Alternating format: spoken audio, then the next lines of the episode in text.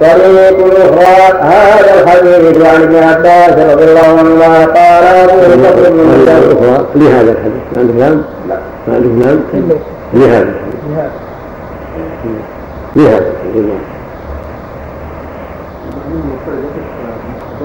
نعم محاذاته يقف محاذي محاذي الإمام طريق أخرى لهذا الحديث عن ابن عباس رضي الله عنهما قال أبو بكر بن مرضوي حدثنا محمد بن أحمد.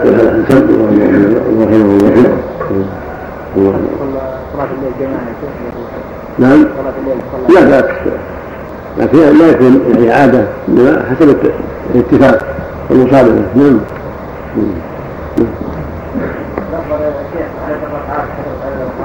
11 هذا أفضل. 11 أو 13 وإن صلى أكثر فلا بأس. لكن الأفضل 11 أو 13 مع مع الركود وعدم العجلة والتدبر والتعقل. وإن صلى 20 أو 30 أو 40 أو أكثر فلا بأس. ولهذا قال النبي صلى الله عليه وسلم صلاة الليل مثنى مثنى. ولم يحدد حدا. فإذا خشي عليه الصبح صلى ركعة واحدة كل له قد صلى في رواية من صلى 11 وفي رواية من صلى 13 فإن يكون هذا لأنه بات عند خالته مرتين أو إن أن أن في مرة حسب ركعتين افتتاحية فإنه كان يصلي ركعتين خيفتين ثم يصلي صلاة طويلة عليه الصلاة والسلام لكن عن باس حدث الركعتين الأوليين في بعض الروايات وفي بعض الروايات ذكرها رحمه الله نعم. وإن صلى ركعتين أطال القراءة. نعم. أطال القراءة وصلى ركعتين فقط. يصلي واحدة. الأفضل يوتر ركعة واحدة. والبقية سنن الأفضل. كل ذلك هو الأفضل صلى ركعة هو الأفضل صلى خمسة أفضل. صلى خمسة أفضل. وهكذا القراءة الركعات نعم. أيهما تحري ما فعله النبي صلى الله عليه وسلم تيسر هو أفضل 11 ركعة 13 ركعة مع ما تيسر من القراءة. ولا خفف وطول القراءة لأن أصلح لقلبه ولسعاده يتدبر ويتعقل. كان هذا حسنا صلى خمسا أو سبعا مع الطول ومع التدبر قد يكون هذا أفضل على الأرجح. قول القيام وقول الركوع والسجود أفضل لما فيه التدبر والتعقل. نعم. لو في القرآن يعني نعم. بالليل ويرى منه نعم. يعني ثم غير القرآن ما هي يقرأ يقرأ المصحف هذا نعم. نعم. وكيف يكون غيرها؟ نعم. يدين يكون وضعه؟ يقرأ المصحف إذا ترك القراءة يقرأ على صدره. لا يقرأ بوحده ولا بيده الحمد لله. استطاع بيده أن يقرأ. أمسك باليمنى وقرأ وإن قرأ بالثلثين فلا بأس. إذا دعت الحاجة إلى ذلك. لأن هذا عذر بترك قبض اليدين يد الحاجة إلى القراءة. وأين يضع يديه؟ نعم. وأين يضع يديه؟ إذا على صدره. هكذا. نعم. بارك الله بسم الله الرحمن الرحيم الحمد لله رب العالمين والصلاة والسلام على أشرف المرسلين نبينا محمد وعلى آله وصحبه أجمعين قال الإمام ابن كثير رحمه الله تعالى في تفسير قوله تعالى إن خلق السماوات والأرض واختلاف الليل والنهار لآيات لأولي الألباب لآيات لأولي الألباب الذين يذكرون الله قياما وقعودا وعلى جنوبهم ويتفكرون في خلق السماوات والأرض ربنا ما خلقت هذا باطلا سبحانك وقنا عذاب النار. ربنا إنك من تدخل النار فقد أخذته وما للظالمين من أنصار. ربنا إننا سمعنا مناديا ينادي الإيمان أن آمنوا بربكم فآمنا. ربنا فاغفر لنا ذنوبنا وكفر عنا سيئاتنا وتوفنا مع الأبرار. ربنا آتنا ما وعدتنا على رسلك ولا تخزنا يوم القيامة. إنك لا تخلف الميعاد. إنك لا تخلف الميعاد. طريق أخرى. عن ابن عباس رضي الله عنهما قال أبو بكر بن مردوي حدث طريق أخرى عن ابن عباس رضي الله عنهما قال أبو بكر بن مردوي حدثنا محمد بن أحمد. حدثنا محمد بن أحمد بن محمد بن علي. حدثنا أبو يحيى عن أبي ميسرة. أنبأنا خلاد بن يحيى أنبأنا يونس عن ابن عن أبي إسحاق عن المنهال بن عمرو. عن علي بن عبد الله بن عباس عن عبد الله بن عباس قال أمرني العباس أن أبيت بآل رسول الله صلى الله عليه وسلم. قال أمرني العباس أن أبيت بآل رسول الله صلى الله عليه وسلم وأحفظ صلاته. قال فصلى رسول الله صلى الله عليه وسلم بالناس صلاة العشاء الأخيرة. حتى إذا لم يبق في المسجد أحد غيري قام فمر بي فقال من هذا عبد عبد الله؟ قلت نعم. قال فما؟ قلت أمرني العباس أن أبيت بكم الليلة. قال فالحق الحق فلما دخل قال آه فرش عبد الله. قال فأتي بي. قال فرش عبد الله. أفريش عبد الله ولا؟ أي ألف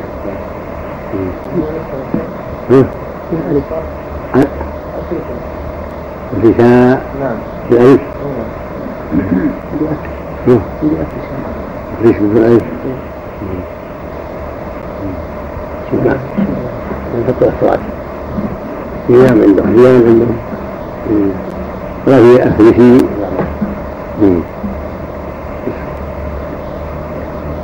فرش عبد الله يعني يحضر عبد قال فرش عبد الله قال فأتي بوسادة من مسوح قال فنام فنام رسول الله صلى الله عليه وسلم عليها حتى سمعت غطيطه ثم استوى على فراشه قاعدا. قال فرفع رأسه إلى السماء وقال سبحان الملك القدوس. ثلاث مرات ثم تلا هذه الآية من آخر سورة آل عمران حتى ختمها. وقد روى مسلم وأبو داود والنسائي من حديث علي بن عبد الله بن عباس عن أبيه. حديثا في ذلك أيضا. طريق أخرى. زيادة سبحانه القدوس زيادة معروفة. والحديث رواه الشيخان في الصحيحين وليس فيه هذه الزيادة وله ذكر أن العباس أمره أن يحضر. كما ذكر أنه بات عند خالة موجوده فسمع النبي صلى الله عليه وسلم قام النوم يقرأ هذه الآيات انك في خلق السماوات في نظر إلى السماء ثم قرأ هذه الآيات انك في خلق السماوات نعم. هذا محفوظ نعم. طريق أخرى رواها ابن مردوي من حديث عاصم بن بهدلة عن بعض أصحابه عن سعيد بن جبير عن ابن عباس أن رسول الله صلى الله عليه وسلم خرج ذات خرج ذات ليلة بعدما مضى ليل فنظر إلى السماء وتلا هذه الآية. إن في خلق السماوات والأرض واختلاف الليل والنهار لآيات لأولي الألباب إلى آخر السورة. ثم قال اللهم اجعل في قلبي نورا وفي سمعي نورا وفي بصري نورا وعن يميني نورا وعن شمالي نورا ومن بين يدي نورا. ومن من خلفي نورا ومن فوقي نورا ومن تحتي نورا وأعظم لي نورا يوم القيامة. وهذا الدعاء ثابت في بعض طرق الصحيح من رواية كريب عن ابن عباس رضي الله عنه. ثم ابن مردوي هذا من إلى الصلاة عليه الصلاة والسلام. وهم جاء في قلبه نورا. نعم. بطريقه إلى الصلاة نعم. من البخاري رحمه الله. نعم. ثم روى ابن مردوي بن أبي حاتم من حديث جعفر بن أبي المغيرة عن سعيد بن جبير عن ابن عباس قال أتت قريش اليهود وقالوا بم جاءكم موسى من الآيات؟ قالوا عصاه ويده البيضاء للناظرين وأتوا النصارى فقالوا كيف كان عيسى فيكم؟ فقالوا كان يبرئ الأكمه والأبرص ويحيي الموتى. فأتوا النبي صلى الله عليه وسلم فقال ادعو ربك ادعو ربك أن يجعل لنا الصفا ذهبا. فدعا ربه عز وجل. فأتوا النبي صلى الله عليه وسلم وقالوا ادعو ربك أن يجعل لنا الصفا ذهبا. فدعا ربه عز وجل فنزلت. إن في خلق السماوات والأرض واختلاف الليل والنهار لآيات لأولي الألباب. قال فليتفكروا فيها. لفظ ابن مردويه وقد تقدم هذا الحديث من رواية الطبراني في أول الآية. وهذا يقتضي أن تكون هذه الآيات مكية والمشهور أنها مدنية ودليله الحديث الآخر. قال ابن مردوي حدثنا علي بن إسماعيل حدثنا أحمد بن علي الحراني حدثنا حجاع بن أشرس حدثنا حشرج بن نباتة الواسطي حدثنا أبو مكرم عن الكلب وهو أبو حباب عن عطاء قال انطلقت أنا وابن عمر وعبيد بن عمير إلى عائشة رضي الله عنها فدخلنا عليها وبيننا وبينها حجاب فقالت يا عبيد ما يمنعك من زيارتنا؟ قال قول الشاعر زر غبا تزدد حبا. فقال ابن عمر ذرنا ذرنا أخبرينا بأعجب ما رأيته من رسول الله صلى الله عليه وسلم. فبكت وقالت كل أم كل أمره كان عجبا. أتانه ليلتي حتى مس جلده جلدي ثم قال ذروني أتعبد لربي عز وجل. قالت فقلت والله إني لأحب قربك وإني أحب أن تعبد ربك.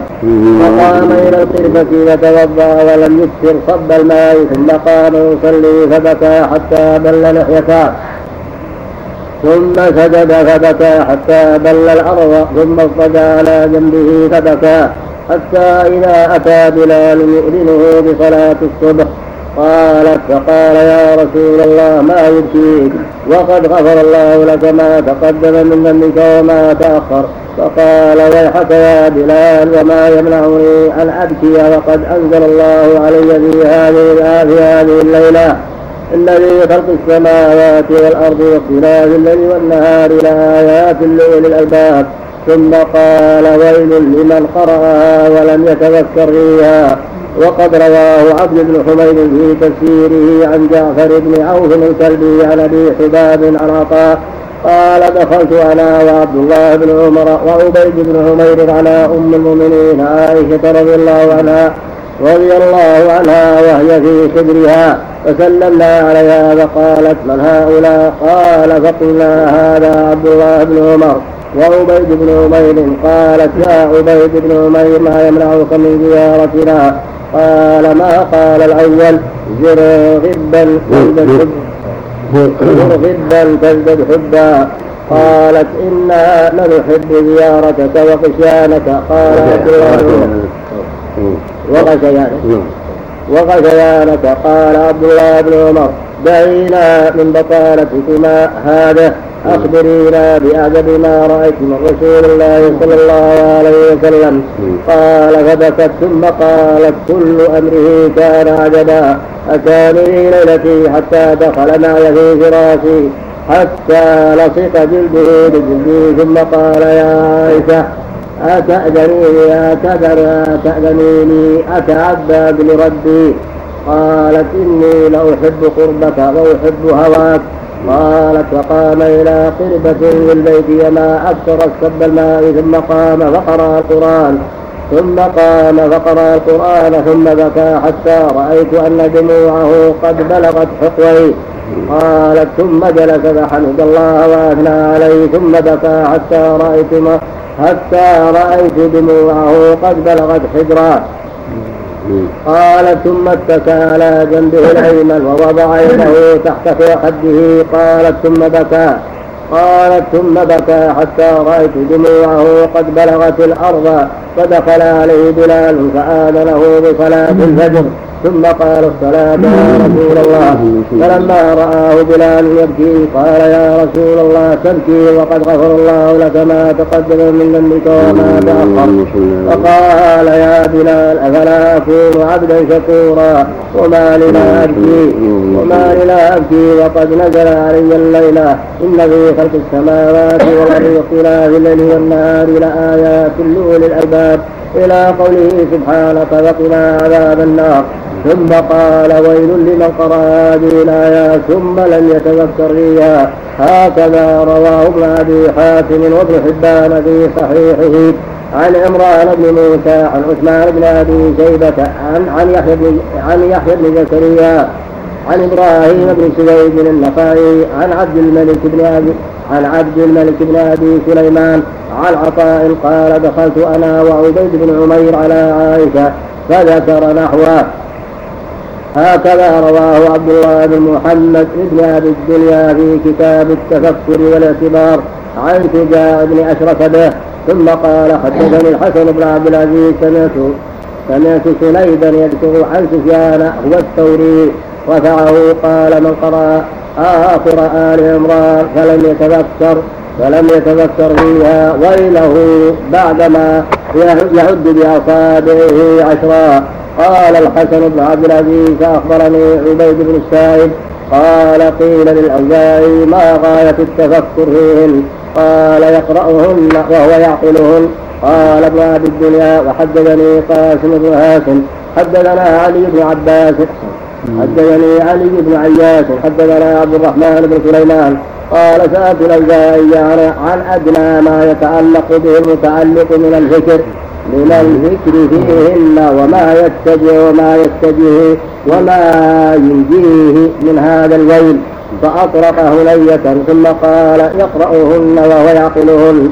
حديث آخر من يعقلهن؟ يتدبرهن يتدبرهن وينظر في المعاني لا يكون هم الإنسان مجرد قراءة الألفاظ بل يكون المؤمن تفكر وتدبر. ولهذا قال سبحانه في الآية الأخرى كتاب أنزلناه إليك مبارك ليدبروا آياته وليتذكر أولو الألباب. ومنهم للتدبر والتعقل والعمل لا لمجرد قراءة الألفاظ. وإن كانت قراءة عبادة وفيها أجر لكن ليس المقصود مجرد التلاوة. المقصود من هذا الكتاب العظيم التدبر والتعقل والعمل. ولهذا ذم الله من لم يتدبر فقال أفلا يتدبرون القرآن أم على قلوب أقفالها فالأمر يحتاج إلى عناية من القارئ وتدبر وإقبال ليستفيد إن هذا القرآن يهدي للتي هي أقوم قل هو للذين آمنوا هدى وشفاء. وهذا إنما يحسب التدبر والنظر والتأمل المعاني والاستفادة. اللهم حديث آخر. فيه غرابة قال أبو بكر بن مردوي حدثنا عبد الرحمن بن بشير. حدثنا حدثنا عبد الرحمن بن بشير بن نمير. حدثنا إسحاق بن إبراهيم البستي. قال وحدثنا إسحاق بن إبراهيم بن زيد. حدثنا أحمد بن عمرو.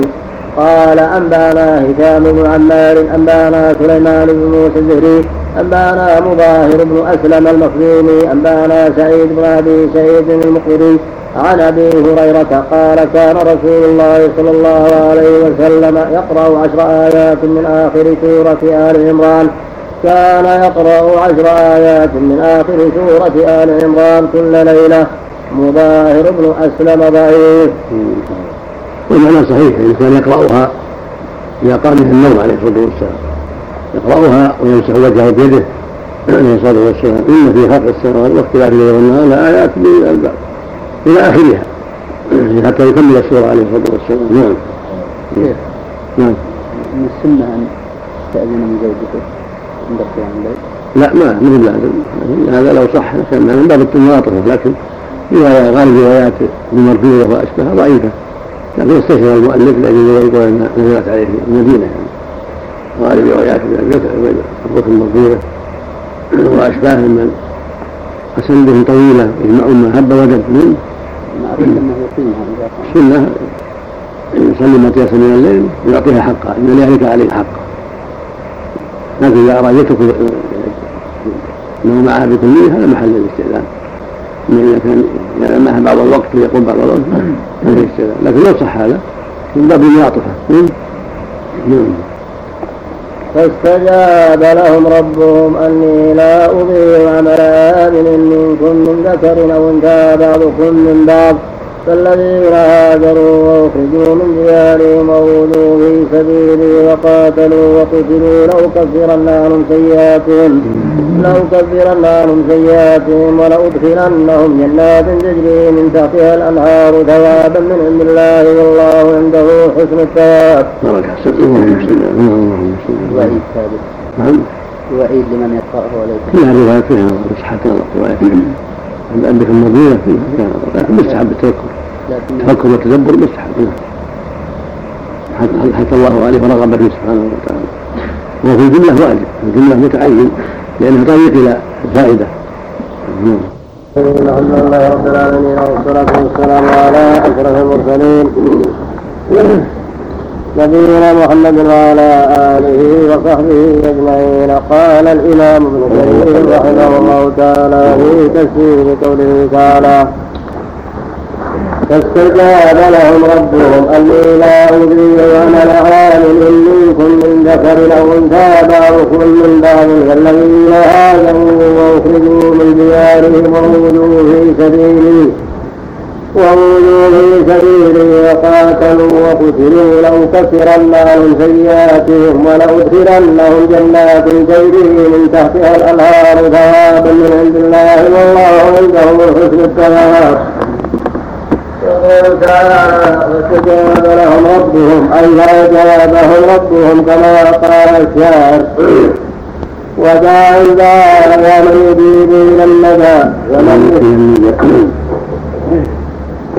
قولا الذي عند ومن يجيب إلى الندى فلم يستجبه عند ذاك مريد قال سعيد بن منصور حدثنا سفيان عن عمرو بن دينار عن سلمة رجل من آل أم سلمة. قال قالت أم سلمة يا رسول الله لا نسمع الله ذكر النساء في الهجرة بشيء. فأنزل الله تعالى في الدنيا لهم ربهم أن لا هذه السند عندهم حدثنا سفيان عن قال سعيد بن منصور حدثنا سفيان عن عمرو بن دينار عن سلمة رجل من آل أم سلمة قال قالت أم سلمة يا رسول الله لا نسمع الله ذكر النساء في الهجرة بشيء. فأنزل الله تعالى فاستجاب لهم ربهم أني لا أضيع عمل منكم من ذكر وأنثى إلى آخر الآية. وقالت الأنصار هي أول مدينة قدمت علينا وقد رواه الحاكم في بسدرته من حديث سفيان بن عيينة ثم قال صحيح على شرط البخاري ولم يخرجاه وقد روضنا وقد روضنا به نبي عن مجاهد عن ام سلمه قالت آخر آية نزلت هذه الآية فاستجاب لهم ربهم أني لا أضيع عمل عامل منكم من أو أنثى بعضكم من بعض إلى آخرها. رواه ابن مردويه ومعنى الآية أن المؤمنين. ذوي الألباب لما سألوا ما سألوا مما تقدم ذكره. فاستجاب لهم ربهم عقب بذلك بفاء التعقيب كما قال تعالى وإذا سارك عبادي عني فإني قريب أجيب دعوة الداعي إلى دعان ويستجيبوا لي ويؤمنوا بي لعلهم يرشدون. وقوله تعالى أني لا أضيع ولا آمن منكم من ذكر أو أنثى. هذا تفسير للإجابة. أي قال لهم مخبرا أنه لا يضيع عمل عمل عامل كل شيء. أنه لا يضيع عمل عامل كل شيء. أنه لا يضيع عمل عامل كل شيء. لا يضيع لا عمل بل بل يوفي كل عامل بقسط عمله من ذكر أو انثى وقوله بعضكم من بعض اي جميعكم في ثوابي سواء. والذين هاجروا والذين هاجروا اي تركوا دار الشرك وأتوا إلى دار الإيمان وفارقوا الأحباب والإخوان والخلان والجيران. وأخرجوا من ديارهم أي ما خلقهم المشركون بالأذى حتى ألجأوهم إلى الخروج. حتى ألجأوهم إلى الخروج من بين أظهرهم ولهذا قال وأولوا في سبيله. أي إنما كان ذنبهم إلى الناس أنهم آمنوا بالله وحده كما قال تعالى. يخرجون الرسول وإياكم أن تؤمنوا بالله ربكم. وقال تعالى وما نقموا منهم إلا أن يؤمنوا بالله العزيز الحميد وقوله تعالى وقاتلوا وقتلوا وهذا أعلى المقامات أن يقاتل في سبيل الله أن يقاتل في سبيل الله ويقى جواده ويعفر وجهه ويعفر وجهه بدمه وترابه وقد ثبت في الصحيحين أن رجلا قال يا رسول الله أرأيت إن قتلت في سبيل الله صابرا محتسبا مقبلا غير مدبر؟ أيكفر الله عن خطا عني خطايا؟ قال نعم. ثم قال كيف قلت؟ فأعاد عليه ما قال فقال نعم. إلا الذي قاله إلا الدين إلا الدين إلا الذي إلا الدين إلا الدين قال له قاله لي جبريل آنفا ولهذا قال تعالى الدين لا يسقط الشهادة في سبيل الله؟ بل يوفى صاحبه أجرا. ولا يضيع على صاحبه. ولكن الشهيد موعود بالجنة وكرامه وإن كان عليه دين لكن لا يسقط بين الناس بل يطول حقوقهم. والله عز وجل إذا رضي عن العبد وأكرمه وقد سعيه أرضى خصمه وأرضى صاحب البيت سبحانه وتعالى والمدينين لا تضيع والله لا يضيع حق حق عادل. بل يدخر لهم أعمالهم وينميها لهم ويربيها لهم ويضاعفها لهم سبحانه وتعالى. هذا من فضله دينه.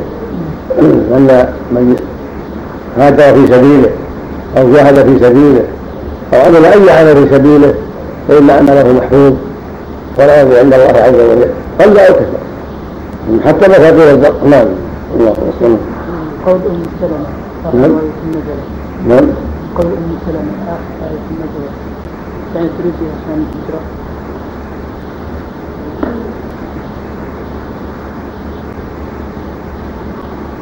الله أعلم. نعم. نعم. ولهذا قال تعالى لأكفرن عنهم سيئاتهم ولأدخلنهم جنات تجري من تحتها الأنهار. أي تجري في خلالها الأنهار من أنواع المشارب من لبن وعسل وخمر وماء غير آسن وغير ذلك مما لا عين رأت ولا أذن سمعت ولا خطر على قلب بشر. وقوله ثوابا من عند الله أضافه إليه ونسبه إليه ليدل على أنه عظيم لأن العظيم الكريم لا يعطي إلا جزيلا كثيرا كما قال الشاعر. إن يعذب يكن غراما وإن يعطي جزيلا فإنه لا يبالي. وقوله تعالى والله عنده حسن الثواب. عنده حسن الجزاء لمن عمل صالحا قال ابن أبي حاتم ذكر عن حي بن إبراهيم. قال الوليد بن مسلم أخبرني جرير بن عثمان أن شداد بن أوس كان يقول أيها الناس لا تتهموا الله في قضايا فإنه لا يقضي على مؤمن. فإذا أنزل فإذا أنزل بأحد فإذا أنزل بأحدكم شيئا مما يحب فليحمد الله وإذا أنزل به شيء مما يكره فليصبر وليحتسب فإن الله عنده حسن الثواب. لا يغرنك تقلب الذين كفروا في البلاد متاع قليل ثم مراه جهنم وبئس المهاد. لكن الذين اتقوا ربهم لهم جنات تجري من تحتها الأنهار خالدين فيها نزلا من عند الله وما عند الله خير للأبرار. نقول تعالى لا تنظر إلى ما هؤلاء الكفار مترفون فيه. من النعمة والغبطة والسرور فعما قليل يزول هذا كله عنهم ويصبحون مرتهنين بأعمالهم السيئة. فإنما نمدهم فإنما نمد لهم فيما هم فيه استدراجا وجميع ما هم فيه متاع قليل. متاع قليل ثم مأواهم جهنم وبئس المهاد. وهذه الآية كقوله تعالى ما يجادل في آيات الله إلا الذين كفروا فلا يغرك تقلبهم البلاد. وقال تعالى إن الذين يفترون على الله كذب لا يفلحون. متاع في الدنيا ثم إلينا مرجعهم. ثم نذيقهم العذاب الشديد بما كانوا يكفرون.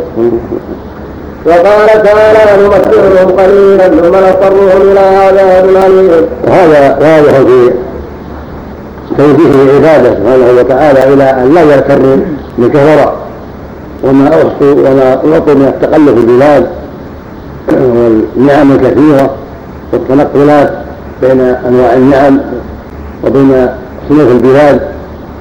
كل ذلك متاع قليل فينبغي للعاقل أن يغتر به. فإنه يمده الله بهذا استدراجا وزيادة في مكانهم وعذابهم كما قال جل وعلا وأملي لهم إن كيدي متين. سنستدرجهم من حيث لا يعلمون وأملي لهم إن كيدي متين فهذا ولا يغفر سبحانه وتعالى. ولهذا قال عز وجل ولا تحسبن الله غافلا عما يعمل الظالمين إنما يؤخرهم من يوم تشخص فيه الابصار وهنا قال سبحانه لا يغرنك تقلب كروه البلاد متاع قليل ثم مأواهم جهنم وبئس المهاد. فينبغي للعاقل يغتر بما أعطوا من نعم من أموال ومراكب ومساكن وغير هذا فإنه, كل فإنه كله متاع قليل. والله كتب لهذه الدنيا البقاء إلى أجلها ونهايتها. فلو أخذ كل واحد بذنبه وكل كافر بذنبه لا ما بقي على وجه الأرض. كافر ولا مؤمن ولا رجع الناس كلهم إلى الحق. ولكن مر في علمه أنه يبتلي هؤلاء ويبتلي هؤلاء ويستجيب هؤلاء وهؤلاء. من صبر واحتسب واستقام على الحق. فله العاقبة الحديثة. ومن اغتر بالعاجلة. ومن شابه أهلها وغر بهم أو غر بما أعطي من النعم حتى حتى استعملها فيما يسر الله سبحانه وتعالى فهو الهالك من حيث ظن أنه راجع أو من حيث غفل عن المصير نسأل الله العافية فالمصير لا بد منها إلى أسوأ الحال لمن لم يشكر الله ولم يستقم على أمره. لغره الغرور وغره الشيطان. نعم. لا حول ولا قوة إلا بالله. وقال تعالى فمهل الكافرين أمهلهم رويدا قليلا وقال تعالى فمن وعدناه وعدا حسنا ولاقيه كمن متعناه متاع الحياة الدنيا. ثم هو يوم القيامة من المحضرين. وهكذا لما ذكر حال كفار الدنيا وذكر أن مآلهم النار أن مآلهم النار قال بعده لكن الذين اتقوا ربهم لهم جنات تجري من تحتها الأنهار خالدين فيها نزلا من عند الله نزلا من عند الله وما عند الله خير للأبرار. وقال ابن مردوي حدثنا أحمد بن نصر حدثنا أبو طاهر. يعني خير للأبرار مطلقة. سواء كان في الدنيا اغنياء أو فقراء وخير لهم بما يعطيهم الله يوم القيامة. من النعيم يوصيهم ما مضى عليه في الدنيا من شدة وضلاء وفقر وغير ذلك ولهذا جاء الحديث الصحيح عن رسول الله صلى الله عليه وسلم عبدا في أنه يؤتى بالعبد من انعم أهل الدنيا من أهل النار. فاذا يدخل النار سئل هل مر بك نعيم قط؟ فيقول ما مر بنعيم قط. ينسى كل شيء. ويؤتى بأشد أهل الدنيا بؤسا لاهل الجنة. فاذا يدخل الجنة قيل هل مر بك مر هل مر بك شدة؟ فيقول لا يا رب. نسي ما اصابه من شدة في الدنيا وبلاء في الدنيا ومرض أو فقر أو غير ذلك. كله زائد نعم اللهم صل وقال وقال ابن مردوي حدثنا أحمد بن نصر حدثنا أبو طاهر سهل بن عبد الله أنبأنا هشام بن عمار أنبأنا سعيد أنبأنا يحيى أنبأنا عبد الله بن الوليد الرصاهي. والصافي سعيد بن يحيى سعيد بن يحيى نعم ويقول سعيد انبانا يحيى ويقول سعيد أنبأنا يحيى. انبانا سعيد انبانا يحيى؟ نعم هم سعيد بن يحيى. سعيد بن يحيى المعروف. نعم. على النسخة اللي عندهم أحسن. نعم. سعيد بن يحيى. نعم. حدثنا هشام العمار كذا حدثنا أحمد بن نصر حدثنا ابو طاهر سهل بن عبد الله أنبأنا هشام بن عمار أنبأنا سعيد بن يحيى نعم. أنبأنا عبد الله بن وليد الرصا- الرصافي كان عبيد الله.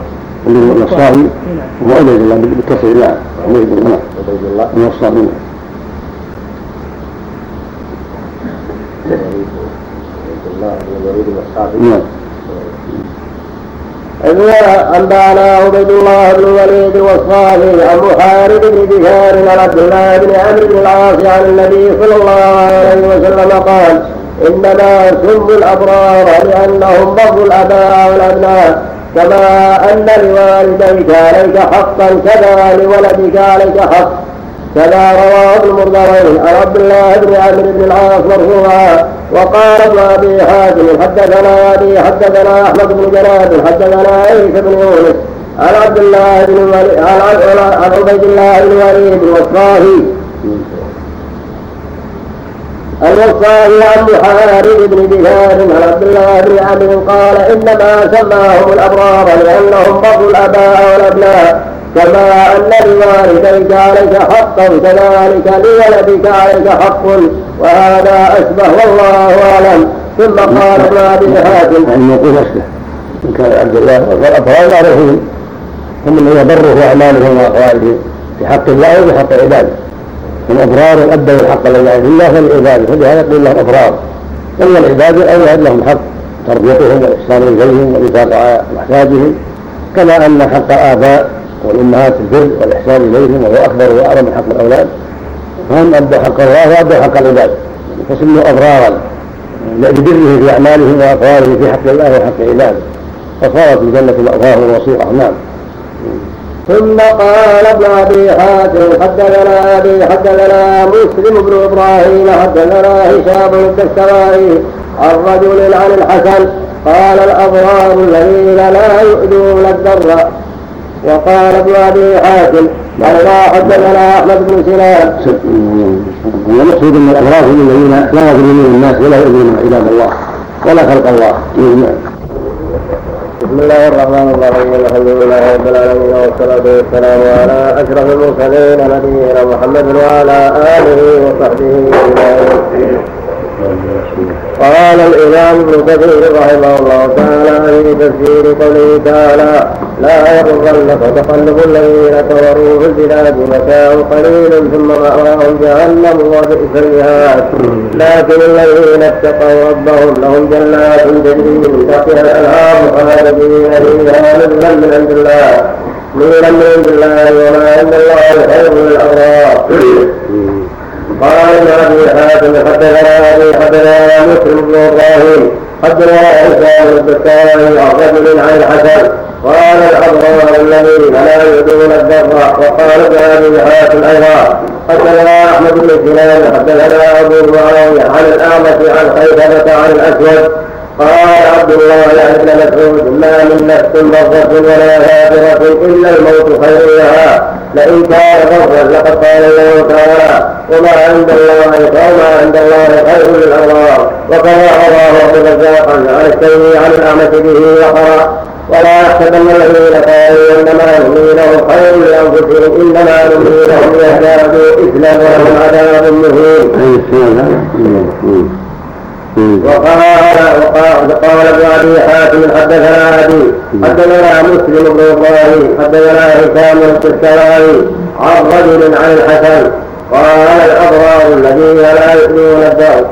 هذا ضعيف عن الحسن في امره هذا الرجل مبهم والمعنى انه من الذين لا يعتدون على الناس ولا على الخلق ويصح فان البر لا يقتل الا بحق فالحاصل ان البر والمؤمن في شأنه أنه لا يتعدى على أحد لا على العقلاء والمكلفين ولا على غيرهم.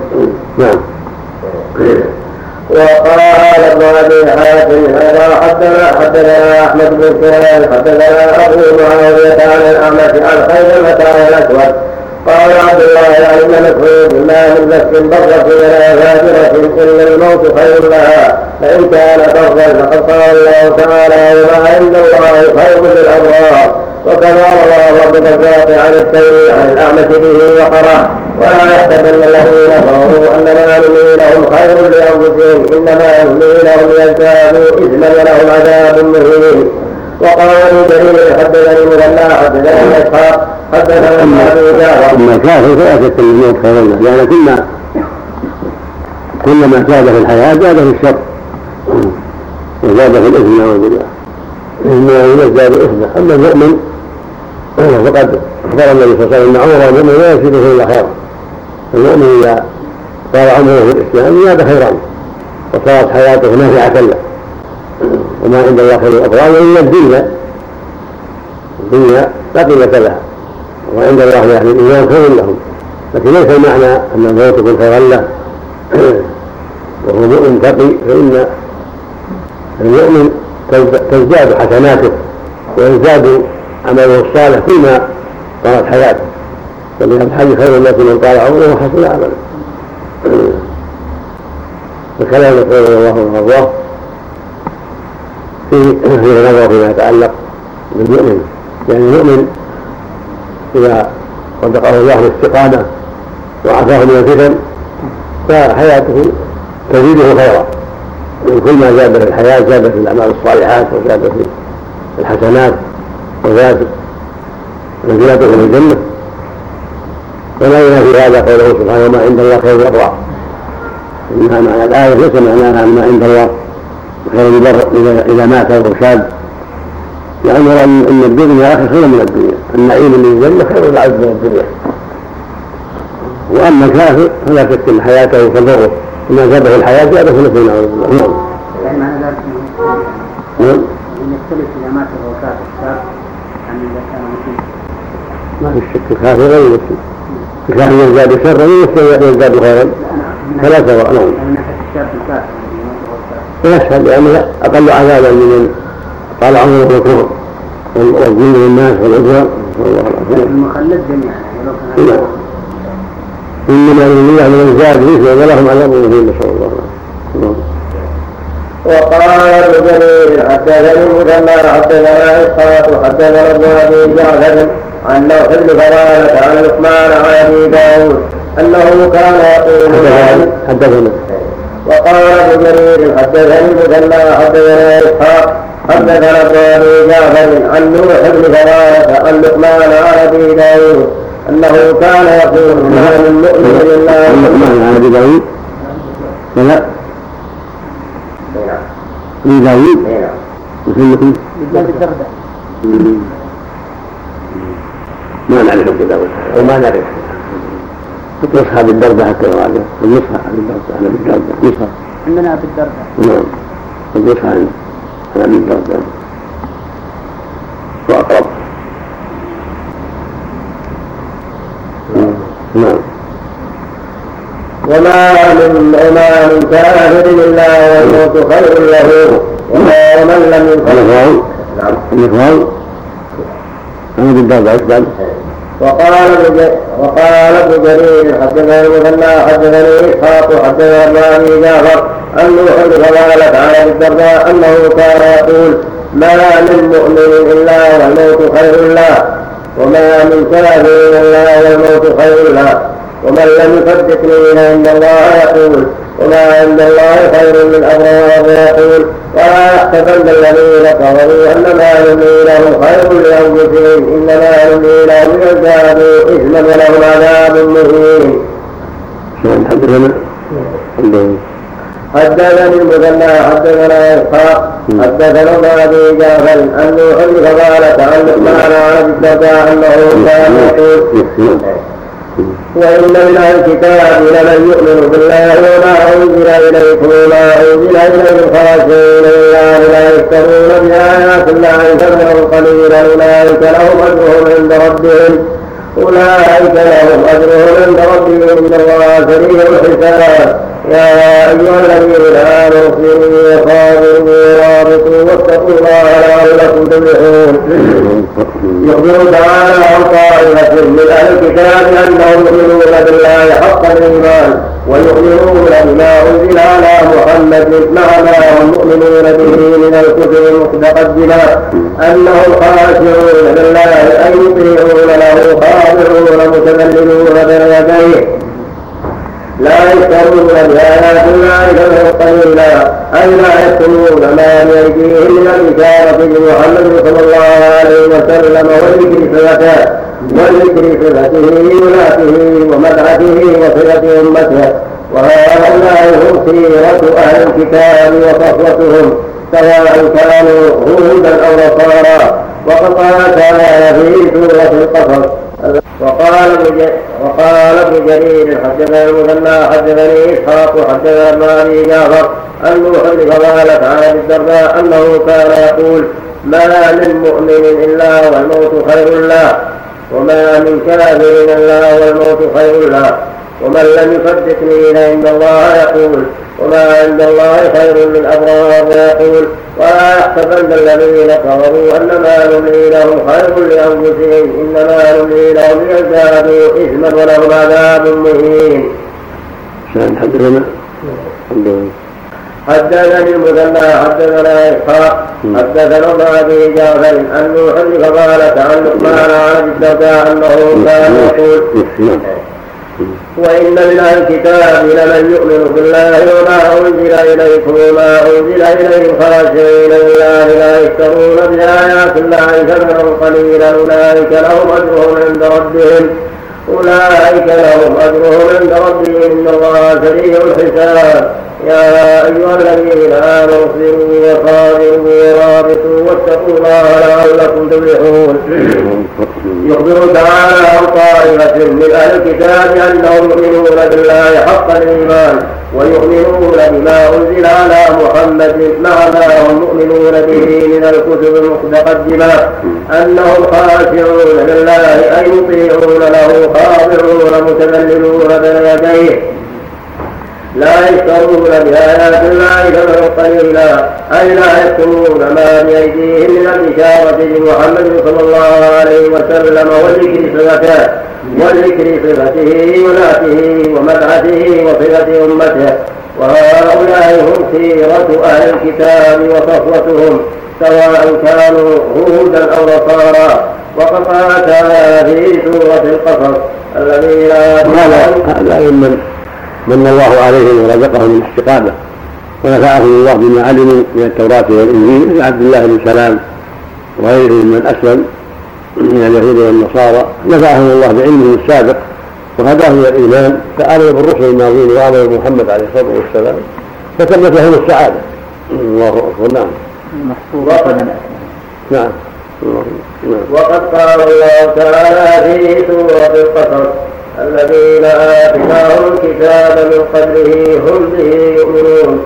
وإذا يتلى عليهم قالوا آمنا به إنه الحق من ربنا إنا كنا من قبله مسلمين. إنا كنا كنا من قبله مسلمين أولئك يؤتون أجرهم مرتين. أولئك يؤتون أجرهم مرتين بما صبروا وقد قال الله تعالى الذين آتيناهم الكتاب يتلونه حق تلاوته. أولئك يؤمنون به الآية وقد قال الله تعالى ومن قوم موسى أمة يهدون بالحق وبه يعدلون. وقال تعالى ليس سواء من أهل الكتاب أمة قائمة يتلون آيات الله آلاء الليل وهم يسجدون. وقال تعالى قل آمنوا به أو لا تؤمنوا إن الذين أوتوا العلم من قبله إذا يتلى عليهم يخرجون من الأذقان سجدا يخرجون من الأذقان سجدا ويقولون سبحان ربنا إن كان وعد ربنا لمفعولا ويخرون من الأذقان يبكون ويزيدهم خشوعا وهذه الصفات توجد في اليهود ولكن قليل ولكن قليلا. كما وجد في عبد الله بن سلام وأمثاله ممن آمن ممن آمن من أحبار اليهود ولم يبلغوا عشرة أنفس. وأما النصارى منهم يهتدون ويقادون للحق كما قال تعالى. لتجدن وأما النصارى. وأما النصارى. منهم يهتدون.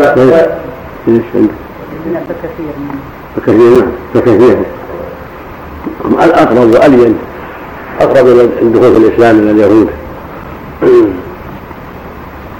لتجدن أشد الناس عداوة للذين آمنوا اليهود والأشرار ولتجدن قبلهم مودة للذين آمنوا قالوا إنا نصارى النصارى أقل علما وأقل عنادا من اليهود واليهود أكثر علما وأكثر عنادا نسأل الله العافية. ويشتروا بآيات الله ثمنا قليلا باءوا الآخرة في الدنيا أما هؤلاء المؤمنين فلم يشتروا بآيات الله ثمنا قليلا بل آثروا ما عند الله. وتابعوا الرسول محمد عليه الصلاة والسلام صدقوا بالحق فنفعهم علمهم. وهذا فضل الله يؤتيه من يشاء سبحانه وتعالى. الله المستعان. وأما النصارى كثير منهم يهتدون وينقادون للحق كما قال تعالى لتجدن أشد الناس عداوة للذين آمنوا اليهود والذين أشركوا. للذين آمنوا اليهود والذين أشركوا. ولتجدن أقربهم مودة للذين آمنوا الذين قالوا إنا نصارى إلى قوله تعالى فأثابهم الله بما قالوا جنات تجري من تحتها الأنهار خالدين فيها الآية وهكذا قال هؤلاء أولئك لهم أجر عند ربهم الآية وقد ثبت في الحديث أن جعفر بن أبي طالب رضي الله عنه لما قرأ سورة كافها عين صاد بحرف النجاة نعم. وقد ثبت في الحديث أن جعفر بن أبي طالب رضي الله عنه لما قرأ سورة كافها يا عين صاد بحضرة النجاة لا ملك الحدث وعنده البطاركة والقساقسة بكى وبكوا معه حتى أخضبوا لحاهم وثبت في الصحيحين أن النجاشي لما مات نعاه النبي صلى الله عليه وسلم إلى اصحابه وقال إن اخا لكم بالحدث قد بالحدث قد مات فصلوا عليه. وخرج إلى الصلاة فقصه وصلى عليه. اللهم صل عليه وروى ابي حاتم والحافظ أبو بكر. من الروايات المشهورة أنه لما سمع سوره كاد خلق ذاتا من الأرض. وقال ما زاد هذا على ما جاء فيه لعيسى قدر هذا. قال هذا هو الحق. الله المستعان. الله المستعان. الله اكبر والذين ماتوا على دين عيسى وعلى دين موسى هم هم من أهل الحق. هم من طوائف الحق. وفرق الحق. في الفرقه الناجية. وإنما الفرق التي هلكت هي التي خالفت ما جاء به موسى وعيسى. ثم لما أدركوا محمدا صلى الله عليه وسلم هدى الله كثيرا من النصارى ودخلوا في دين الله. وابتعد اليهود وكذبوا وكذبوا نسأل الله العافية نعم ولن يفسد منهم إلا النادر وروى ابي حاتم والحافظ وابو بكر بن مردوي من حديث حماد بن سلمة عن ثابت عن انس بن مالك قال لما توفي النجاشي قال رسول الله صلى الله عليه وسلم استغفروا لأخيكم. فقال بعض الناس يأمرنا أن نستغفر بعز مات لارض الحبشه فنزلت وإن من الكتاب حدثنا وروى أبي حاتم والحافظ وأبو بكر بن مرضوي من حديث حماد بن سلمة عن ثابت عن أنس بن مالك قال لما توفي النجاشي قال رسول الله صلى الله عليه وسلم استغفروا لأخيكم. فقال بعض الناس يامرنا أن نستغفر لعز ما تبعض الحاجات وهذا إن صح. فهذا من المنافقين. هذه الإمارات واتباعها وإنهم قصد من أهل النفاق. الذين ما عندهم إيمان بالنبي صلى الله عليه وسلم وينتهي الفرص حتى يلقوا بعض الكلمات الرديئه نسأل الله العافية. نعم. فنزلت وإن من أهل الكتاب لمن يؤمن بالله وما أنزل إليكم وما أنزل إليهم خاشعين لله الآية. ورواه عبد بن حميد وابن حاتم من طريق أخرى عن حماد بن سلمة عن ثابت عن الحسن عن النبي صلى الله عليه وسلم. ثم رواه ابن من طرق عن حميد عن انس بن مالك نحو ما تقدم. ورواه أيضا ابن جرير من حديث أبي بكر الهدني عن قتادة عن سعيد بن المسيب عن جابر قال قال رسول الله صلى الله عليه وسلم حين مات النجاشي إنا خالكم وإنا أخاكم الصلاة قد مات فخرج رسول الله صلى الله عليه وسلم فصلى كما يصلي على جنائزه فكبر أربعة. فقال المنافقون يصلي على عز ما سير في الحبشة أنزل الله تعالى وإن من أهل الكتاب لمن يؤمن بالله الآية فقال أبو داود حدثنا محمد بن عمرو الرازي حدثنا سلمة بن الفضل عن محمد بن إسحاق حدثني يزيد بن غومان عن عروة عن عائشة رضي الله عنها قالت لما مات النجاشي كنا نحدث أنه لا يزال يضع على قبره على قبره نور. وقد روى الله الله الله وقال أبو داود حدثنا محمد بن عبد الرازي حدثنا سلمة بن الفضل عن محمد بن إسحاق حدثني يزيد بن رومان عن عروة عن عائشة رضي الله عنها قالت لما مات النجاشي كنا نحدث أنه لا يزال يرى على قبره نور. وقد روى حافظ أبو عبد الله القاسم في مستدركه انبانا أبو العباس السياري بمر حدثنا عبد الله بن علي الغزالي الغزال حدثنا عبد الله بن علي بن علي الغزال وحدثنا عبد الله بن علي بن غزال حدثنا علي بن الحسن بن شقيق. حدثنا ابن مبارك حدثنا مسعد بن ثابت عن عامر بن عبد الله بن الزبير عن قال نزل بالنجاشي عدو من أرضهم. فجاءه المهاجرون فقالوا إنا نحب أن تخرج إليهم حتى نقاتل معك وترى جرأتنا ونجزيك بما صنعت بنا. فقال لداء بنصر الله عز وجل خير من دواء بنصرة الناس قال وفيه نزلت وإن من أهل الكتاب لمن يؤمن بالله وما أنزل إليكم وما أنزل إليكم خاشعين لله الآية. ثم قال هذا حديث صحيح الإسناد ولم يخرجاه وقال ابن أبي نجيح عن مجاهد وإن من أهل الكتاب يعني مسلمة أهل الكتاب. يعني مسلم مسلمة. مسلمة أهل الكتاب. يعني مسلمة أهل الكتاب. وقال عباد بن منصور سألت الحسن البصري عن قول الله تعالى وإن من أهل الكتاب لمن يؤمن بالله الآية. قال هم أهل الكتاب الذين كانوا قبل محمد صلى الله عليه وسلم فاتبعوه وعرفوا الإسلام فأعطاهم الله تعالى أجر اثنين للذي كانوا عليه من الإيمان قبل محمد صلى الله عليه وسلم واتباعهم محمد محمدا صلى الله عليه وسلم. رواه ابي حاتم وقد ثبت الصحيحين عن أبي موسى قال قال رسول الله صلى الله عليه وسلم ثلاثة يؤتون أجرهم مرتين فذكر منهم رجلا من أهل الكتاب آمن بنبيه وآمن به وقوله تعالى هذا فضل الله وطائفين على إيمانه بما سبق إيمانه بموسى وعيسى وطائفه ثانية على إيمانه بمحمد عليه الصلاة والسلام. وكيف فضل الله على أمة محمد أعطونا أجرهم مرتين. لهذا يتقوا الله وأمر رسوله. يؤتكم في ليل من رحمته. ويجعل لكم نورا تنسونه ويغفر لكم والله غفور رحيم. ويضاعف لهذه الأمة الأجر.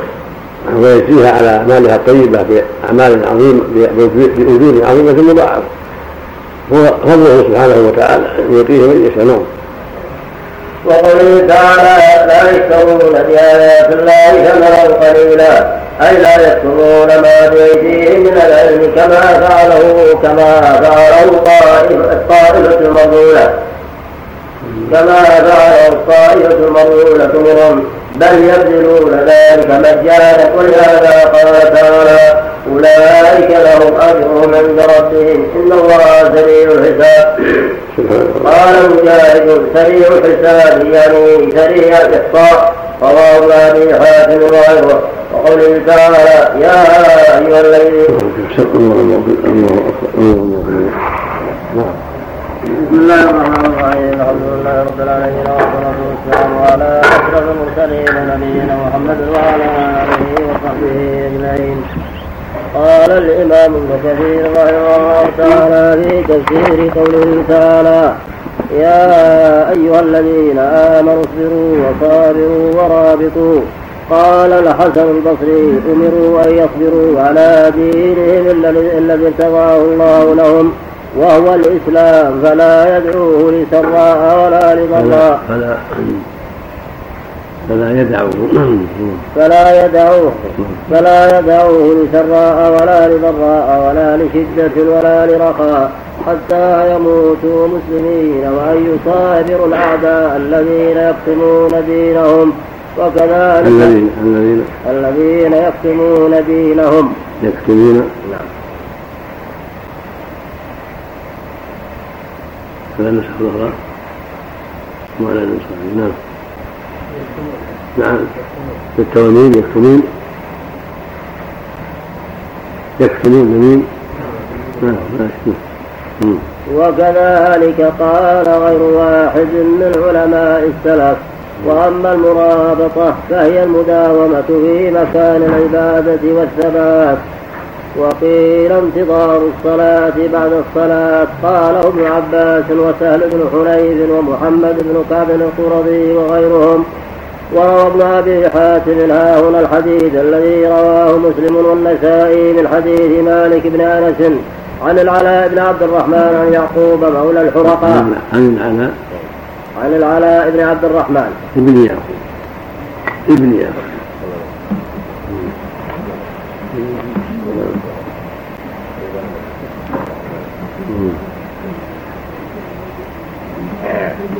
نعم عن العلاء بن عبد الرحمن بن يعقوب. نعم مولى مولى الحرقاء عن أبيه عن أبي هريرة رضي الله عن النبي صلى الله عليه وسلم قال ألا أخبركم بما يمحو الله به الخطايا ويرفع به الدرجات إسباغ الوضوء على المكاره وكثرة الخطى إلى المساجد والصلاة بعد الصلاة. فذلكم الرباط فذلكم الرباط فذلكم الرباط. وقال ابن مردوي حدثنا محمد. هذه الآية فيها الحث والتحريض على الصبر على طاعات الله والمصابرة إلى أعداء الله والمرابطة في الحق والثبات في الحق. يشمل ذلك انتظار الصلاة بعد الصلاة ويشمل ذلك الثبات في الحق. والبقاء في عبادة الله وطاعته. يشمل ذلك؟ المرابطة في الجهاد ولزوم الثغور. كله داخل في الرباط ولهذا قال سبحانه يا أيها الذين آمنوا اصبروا وصابروا ورابطوا. المعنى اصبروا على دينكم واثبتوا عليه. فأدوا ما أوجب الله وابتعدوا عما حضر الله وصابروا من المصابرة وهي مصابرة الأعداء. الصبر على كفاحهم وجهادهم حتى تكون أنت أصبر منهم وأغلب. فهم أعداء دينك الذين كتموه وأخفوه والذين عادوه وأظهروا عداوته. يجب أن يصابروا حتى لا يضروا دينك وحتى لا يضروه وحتى لا يضروا المسلمين. ورابطوا المعنى اثبتوا على الحق. والزموه ومن ذلك الثبات في طاعة الله وترك المعاصي والثبات في طلب العلم الثبات في الدعوة إلى الله الثبات في انتظار الصلوات والمسارعة إليها وألا يمل ولا يضعف بل لا يزال أبدا يحافظ على الصلوات وينتظر الصلاة بعد الصلاة. كل ما صلى فهو على باله الصلاة الأخرى لا ينساها ولا يغضب عنها بل هي على باله حتى يؤديها وهكذا. في جميع الأيام والليالي والسنين والأعوام حتى يلقى ربه. ومن ذلك المرابطة في الجهاد ونزول الثغور التي على الحدود حتى لا ينفذ منها الأعداء. هذه الأعمال العظيمة يرضى الله بها عباده بما فيها من الخير العظيم بما فيها من الثبات على الحق بما فيها من جهاد النفس بما فيها من جهاد الأعداء. بما فيها من الثبات على الحق والمرابطة عليه. نعم. ولهذا جاء الحديث هذا أنا يقول صلى الله عليه وسلم أنا أخبركم بما يمحو الله به الخطايا ويرفع به الدرجات. قالوا بلى يا رسول الله. قال إسباغ الوضوء على المكاره. الراحه في المكاره. وكثرة الخطى إلى المساجد. وانتظار الصلاة بعد الصلاة. فذلكم الرباط فذلكم الرباط فذلكم الرباط. فاسباغ الوضوء على المكاره في أيام الشتاء وأيام البرد. على معنى فيه. ولهذا في اللفظ الآخر إسباغ الوضوء في السبيرات يعني في البرد. لأن الماء مكروه للنفوس في أيام الشتاء والبرد. ولكن المؤمن يعتني به ويسبغ وضوءه ولو كان في الشتاء ولو كان في الماء البارد. الذي لا يضره. أما ما يضر فينبغي تسخينه وينبغي أن يلاحظ حتى لا يضر نفسه. فإذا كان ماء محتملا فعله وإلا سخنه حتى لا يضره ذلك. فالمقصود السبغات يعني أوقات البراد لا يحملك الخوف من البرد أن تضيع وضوءك أو غسلك من الجنابة بل افعل ما أوجب الله عليك وإن كان في أيام الشتاء كما تفعله في أيام الصيف. كما في خطى المساجد قد يضعف بعض الناس عن ذلك ولا سيما إذا بعد عليه المسجد. فالرسول صلى الله عليه وسلم يحرض على الترك والمصابرة والمرابطة وأن تلزم الذهاب إلى المساجد وتستقيم على ذلك فكل خطوة ينفعك الله بها. كل خطوة فيها خير عظيم لك. ولهذا شرع المقارنة بين الخطى عند ذهاب المسجد لأجل كثرة الخطى يرفع الله بها الدرجات ويمحو بها الخطايا ويكتب بها الحسنات. ثم ذكر الثالثة وهي انتظار الصلاة بعد الصلاة. مو معناه الجلوس في المسجد حتى يعطل أعماله. لا المراد انتظارها بعد انتظارها يعني كونها كونه يجعلها على باله. كون المؤمن لا يغيب عنه الصلاة ولا يضيعها ولا يشغل عنها بل ينتظرها تارة طورا بعد طور وتارة بعد تارة. في جميع الأوقات فهو ينتظر الصلاة ويهتم بها ويعنى بها حتى لا يضيع عليه وقتها ولا عملها مع إخوانه. فهو مأمور بالعمل مأمور بطلب الرزق مأمور بالأعمال التي يحتاجها في بيته فليس المراد يبقى في المسجد دائما. حتى لا يعمل ولا يكسب ولا يقضي حاجة أهله. لا. المراد انتظارها بأن تكون على باله وفي قلبه ولا يضيعها ولا يشغل عنها بشيء. بل كل ما فرغ من صلاة فالصلاة الأخرى على باله حتى يؤديها. وقال ابن مردوي حدثنا محمد بن أحمد حدثنا موسى بن إسحاق حدثنا أبو جحيفه علي بن يزيد الكوفي انبانا ابن أبي كريمة عن محمد بن يزيد عن أبي سلمة بن عبد الرحمن قال أقبل علي أبو هريرة يوما فقال أتدري يا ابن أخي فيما نزلت هذه الآية؟ يا أيها الذين آمنوا اصبروا وصابروا ورابطوا. قلت لا. قال أما إنه لم يكن في زمان النبي صلى الله عليه وسلم غزو. غزو يرابطون فيه ولكنها نزلت في قوم يعمرون المساجد ويصلون الصلاة في مواقيتها ثم يذكرون ثم يذكرون الله فيها. فعليهم أنزلت أصبروا أي على الصلوات الخمس وصابروا أنفسكم وهواكم ورابطوا في مساجدكم واتقوا الله فيما عليكم لعلكم تفلحون.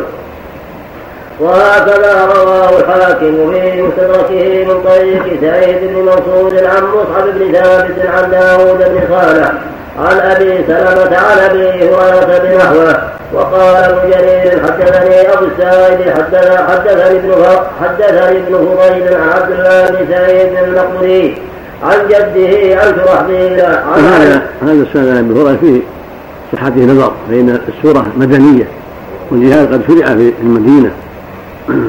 وجاهد الرسول صلى الله عليه وسلم وجاهد أصحابه يوم بدر وقبل بدر وبعد بدر. هم مأمورون بالجهاد ومامور بالرباط ولكنه على أطوار.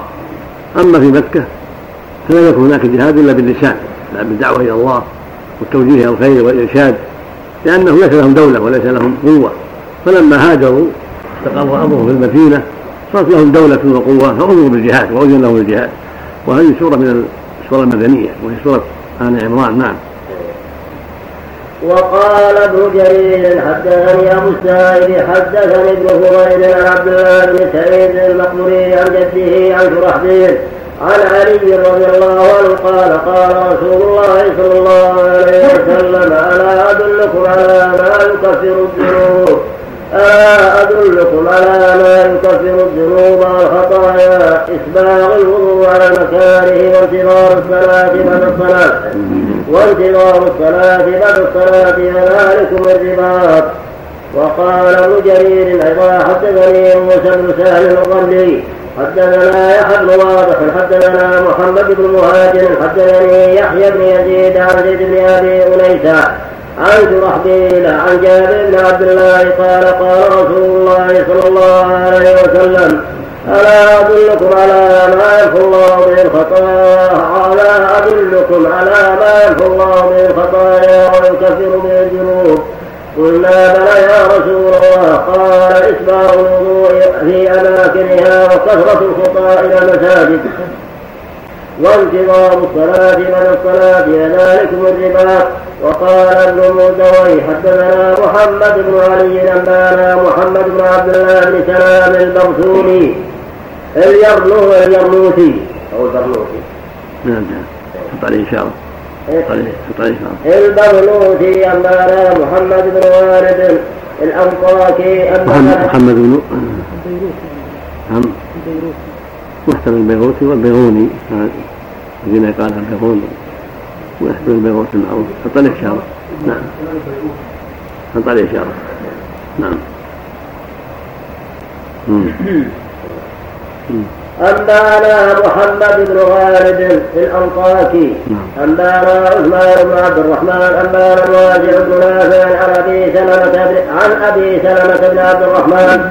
عن أبي أيوب قال وفد علينا رسول الله صلى الله عليه وسلم فقال هل لكم إلى ما يمحو الله به الذنوب ويضم ويعظم به الأجر؟ قلنا يا رسول الله وما هو؟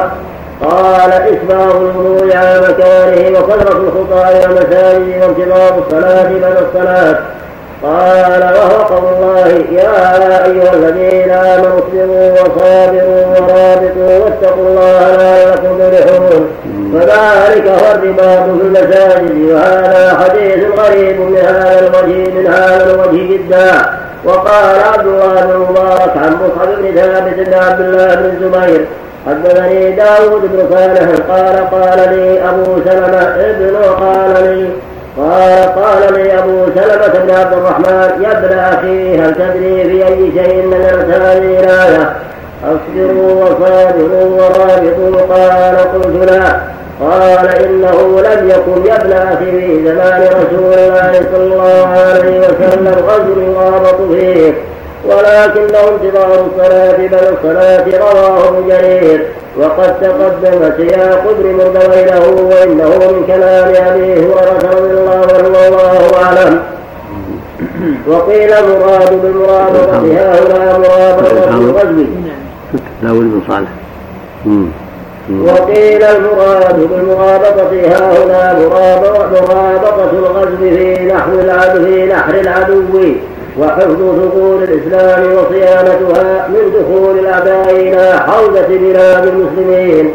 وقد وردت الأخبار بالترغيب في ذلك وذكر كثرة الثواب فيه فروى البخاري في صحيحه عن سهل بن بن الساعدي أن رسول الله صلى الله عليه وسلم قال رباط يوم في سبيل الله خير من الدنيا وما عليها.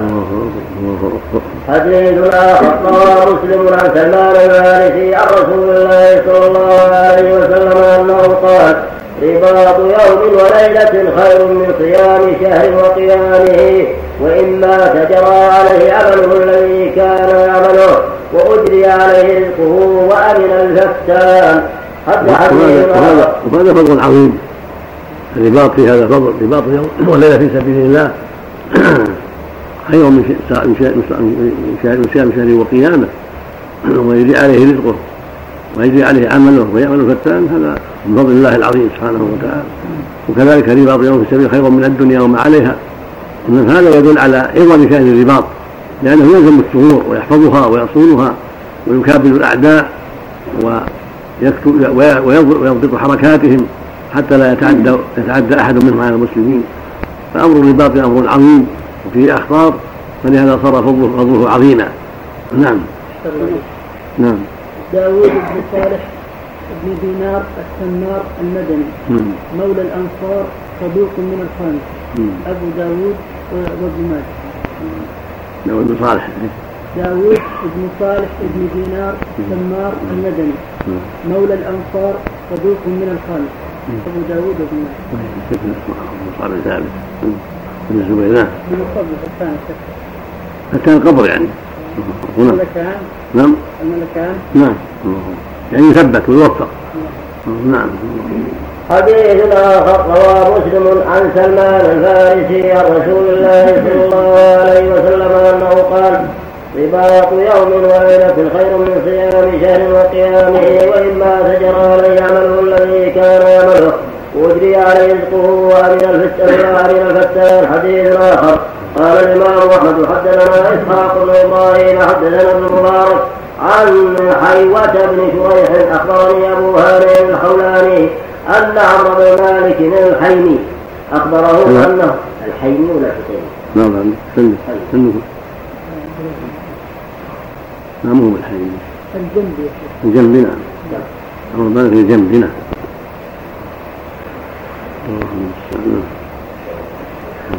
عن أبي أن عمرو بن مالك الجب- جنبي. الجنبي نعم.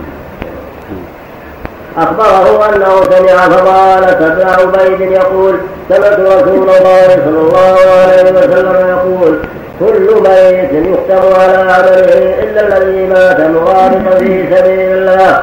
فإنه ينمو له عمله إلى يوم القيامة ويأمن فتنة القبر وهكذا رواه أبو داود والترمذي من حديث أبي هانئ عن حديث أبي هانئ الخولاني وقال الترمذي حسن صحيح وأخرجه ابن حي بن حبان في صحيحه أيضا.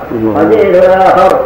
قال الإمام أحمد حدثنا يحيى بن إسحاق حدثنا حسن غير بن موسى. الشيء غير الشيء بعد الشيء غير هذا.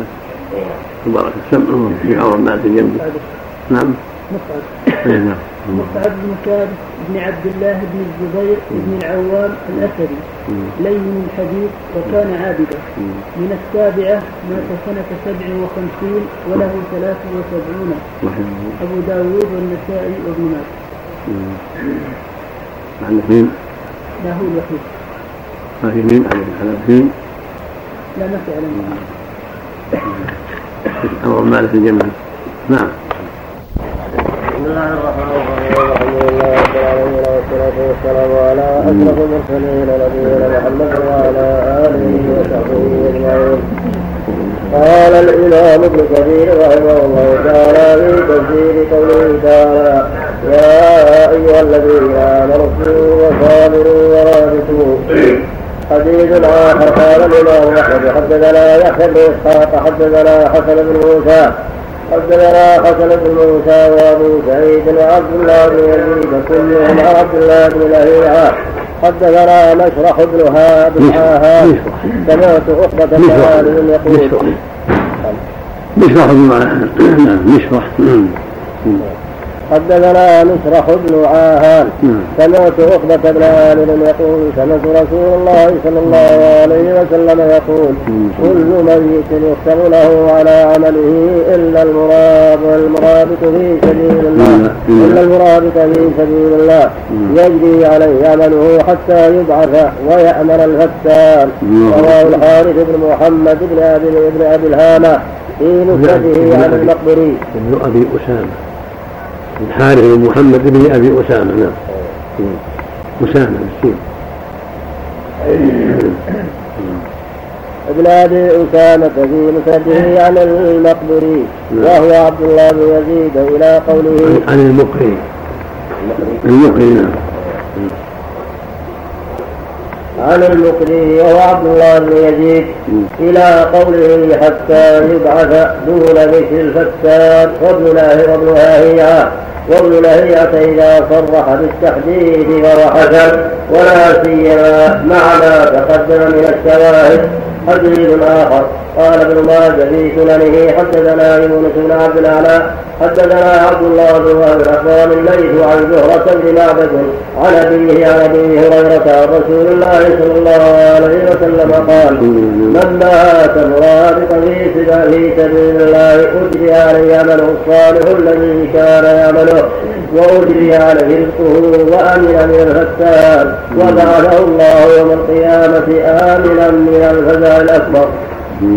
طريق أخرى قال الإمام أحمد حدثنا قدر في رواية مسلم أن أن رباط يوم في سبيل الله خير من صيام رباط يوم في سبيل الله وليلة خير من صيام فيه يوم القيامة وأن المرابط إذا مات يجري عليه ريقه ويجري عليه عمله ويعمل فتان وهذا زيادة وأنه يبعث يوم القيامة آمنا من الفزع الأكبر. وهذا فضل عظيم للمرابطين في سبيل الله عز وجل. والله المستعان. نعم. شوف يرى بالمعنى يرى بالمعنى تقريب حاله. يرى بالمعنى نعم. قال الإمام أحمد حدثنا موسى أنبأنا ابن لهيعة عن موسى بن وردان عن أبي هريرة عن رسول الله صلى الله عليه وسلم قال من مات مرابطا وقي فتنة القبر وأمن من الفزع الأكبر وغدا عليه ريح برزقه من الجنة وكتب لها وكتب له أجر المرابط إلى يوم القيامة. حديث آخر قال الإمام أحمد حدثنا إسحاق بن عيسى حدثنا إسماعيل عياش عن محمد بن عامر بن حلحلة عن محمد بن عامر بن حلحلة الديني عن إسحاق بن عبد الله عن عن الدرداء تروى الحديث عن أم الدرداء تروى الحديث قالت من رابط في شيء من سواحل المسلمين ثلاثة أيام أجزأت عنه رباط سنة. حديث قال الإمام أحمد حدثنا إسحاق بن عيسى حدثنا إسماعيل بن عياش عن محمد بن عمرو بن حلحلة الديني عن إسحاق بن عبد الله عن الدرداء ترفع الحديث. قالت من رابط في شيء من سواحل المسلمين ثلاثة أيام أجزأت عنه رباط سنة. حديث آخر قال الإمام أحمد حدثنا محمد بن جابر حدثنا كهمة حدثنا مصعب بن ثابت حدثنا مصعب بن ثابت بن عبد الله بن الزبير.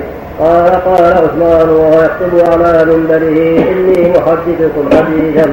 سمعته من رسول الله صلى الله عليه وسلم لم يكن يمنعني لم يكن يمنعني أن أحدثكم به إلا الظن بكم. إلا الظن بكم. يعني البخل بكم مخافتان يذهب عنه إلى المرابطة سمعت رسول الله صلى الله عليه سمعت رسول الله صلى الله عليه وسلم يقول حرة ليلة في سبيل الله أفضل من ألف ليلة يقام ليلها ويقام نهارها. وهكذا رواه أحمد عن روح عن كهمة عن مصعب بن ثابت عن عثمان وقد رواه ابن ماجه عن هشام بن عمار عن عبد الرحمن بن زيد بن أسلم عن أبيه عن مصعب بن ثابت عن عبد الله بن الزبير قال خطب عثمان الناس قال خطب عثمان الناس فقال أيها الناس إني سمعت من رسول الله صلى الله عليه وسلم حديثا لم يمنعني أن أحدثكم به إلا الظن بكم وبصحابتكم فليختر مختار لنفسه أو يدع فليختر. مختار لنفسه أو يدع سمعت رسول الله صلى الله عليه وسلم يقول من رابط ليلة في سبيل الله كانت كألف ليلة قيامها وصيامها.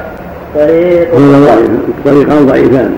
الثابت ما تقدم هذه السنة وأما الليلة هو هذه الرواية ضعيف. والثابت ما رواه سلمان الفارسي أبو هريرة رباط يوم وليلة سبيل الله خير من صيام شهره وقيامه. الحديث نعم نعم طريق أخرى الحديث الثالث بن سعد رباط يوم في سبيل الله خير من الدنيا وما عليه. طريق أخرى عن عثمان رضي الله عنه قال الترمذي حدثنا الحسن بن علي الخلاء المعلم تقريب. نعم. طريق أخرى عن عثمان رضي الله عنه قال الترمذي حدثنا الحسن بن علي الخلال حدثنا هشام بن عبد الملك حدثنا الليث بن ثابت حدثنا أبو عقيل زهرة بن معبد عن أبي صالح مولى عثمان بن عفان قال سمعت عثمان وهو على المنبر يقول إني كتمتكم حديثا سمعته من رسول الله صلى الله عليه وسلم. إني كتمتكم حديثا سمعته من رسول الله صلى الله عليه وسلم كراهية تفققكم وكراهية تفققكم عني. ثم بدا لي أن أحدثكموه ليختار امرؤ بنفسه ما بدا له. سمعت رسول الله صلى الله عليه وسلم يقول رباط يوم في سبيل الله خير من ألف يوم في من ألف يوم فيما سواه من المنازل. ثم قال الترمذي ثم قال الترمذي هذا حديث حسن غريب من هذا الوجه. قال محمد يعني قال يعني البخاري يا أبو صالح. أبو صالح مولى عثمان اسمه بركان. وذكر غير الترمذي أن اسمه الحارث والله أعلم. وهكذا رواه الإمام أحمد من حديث الليث بن سعد وعبد الله بن لهيعة وعنده زيادة في آخره. فقال يعني عثمان فليراد امرؤ كيف شاء هل بلغت؟ قالوا نعم. قال اللهم اشهد. حديث آخر قال أبو عيسى الترمذي حدثنا ابن أبي عمر. حدثنا سفيان حدثنا محمد بن المنكدر قال مر سلمان الفارسي بسرحبه ابن السمس وهو في مرابطة وهو في مرابطة له. وقد شق عليه وعلى أصحابه. فقال ألا أحدثك يا ابن السلط بحديث سمعته من رسول الله صلى الله عليه وسلم? قال بلى. قال سمعت رسول الله صلى الله عليه وسلم يقول رباط يوم في سبيل الله أفضل أو قال خير من صيام شهر وقيامه ومن مات فيه وقي فتنة القبر ونبي له عمله إلى يوم القيامة. تفرد به الترمذي من هذا الوجه. وقال هذا حديث حسن وفيه بعض النسخ زيادة وليس إسناده بمتصل. وابن المنكدر لا لم يدرك سلمان قلت الظاهر أن محمد بن المنكدر سمعه من شرحبيل بن السلك وقد رواه مسلم والنسائي من حديث مسعود وأبي عبيدة بن عقبة. وأبي عبيدة بن عقبة كلاهما عن شرحبيل بن السلك وله صحبة عن سلمان الفارسي عن رسول الله صلى الله عليه وسلم أنه قال رباط يوم وليلة خير من صيام شهر وقيامة مات يرى عليه الذي كان يعمله وأجري عليه رزقه وأمن الفتان وقد تقدم سياق مسلم بمفرده حديث آخر قال ابن ماجه حدثنا محمد بن إسماعيل بن ابن سمرات حدثنا محمد بن يانا السلمي حدثنا عمرو بن صبيح عن عبد الرحمن بن عامر عن مكحول عن أبي بن كعب قال قال رسول الله صلى الله عليه وسلم خرج ليلة وراء عورة المسلمين محترسا محتسبا محتسبا من غير شهر من غير شهر رمضان أعظم أجرا من عبادة مئة سنة قيامها وقيامها. ورباط يوم حدثنا حدثنا وقال ابن ماجه. قال ابن ماجه. حدثنا محمد بن إسماعيل بن سمرة. حدثنا محمد بن يان السلمي حدثنا عمرو بن صبيح عن عبد الرحمن بن عمرو عن مكحول عن أبي بن كعب قال قال رسول الله صلى الله عليه وسلم خرج ليلة وراء عورة المسلمين محتسبا من غير شهر رمضان أعظم أجرا من عبادة مئة سنة صيامها وقيامها ورباط يوم في سبيل الله من وراء عورة المسلمين محتسبا من غير شهر رمضان أفضل عند الله وأعظم أجرا. قراه قال من ألف سنة صيامها وقيامها. فإن رده الله تعالى إلى أهله سالما لم يكتب عليه سيئة ألف سنة. وتكتب له الحسنات ويجري عليه أجر الرباط إلى يوم القيامة. هذا حديث غريب من هذا الوجه بل منكر. وعمر بن صبيح المتهم. نعم حديث آخر مكحول لم يدرك بين كعب في ضعيف من وجوه هذا الخبر ضعيف من وجوه عن ان كانت نفسه منكر ومخالف للحديث من جهة الضعف بعد رجاله والمطاعه نعم. حديث اخر قال ابن ماجه. حدثنا عيسى بن موسى الرملي حدثنا محمد بن شعيب بن كافور عن سعيد بن خالد بن أبي الطويل بن أبي طويل. سمعت أنس بن مالك يقول سمعت رسول الله صلى الله عليه وسلم يقول حرة ليلة في سبيل الله خير من صيام رجل وقيامه في أهله ألف سنة. في أهله ألف سنة. السنة ثلاثمائة يوم. قال ابن ماجه حدثنا عيسى بن يونس الرملي حدثنا محمد بن شعيب بن كابور عن سعيد بن خالد عن سعيد بن خالد بن أبي طويل سمعت أنس بن مالك يقول سمعت رسول الله صلى الله عليه وسلم يقول حرس ليله في سبيل الله خير من صيام رجل وقيامه في أهله ألف سنة. السنة ثلاثمائة يوم اليوم كألف سنة.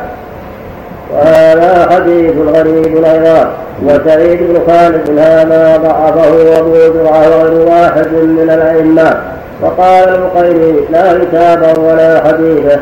وقال ابن حبان لا يجوز الاحتجاج به وقال الحاكم روى عن أنس أحاديث موضوعة. حديث آخر قال ابن ماجه حدثنا محمد بن الصباح انبانا عبد العزيز بن محمد أنبانا عبد العزيز بن محمد بن صالح بن محمد بن زايده عن عمر بن عبد العزيز عن عقبة بن عامر الجهني قال قال رسول الله صلى الله عليه وسلم رحم الله الحارس حارس الحرس فيه انقطاع رحم الله. رحم الله حارس الحرس فيه انقطاع بين عمر بن عبد العزيز وعقبة بن عامر فإنه لم يدركه والله أعلم.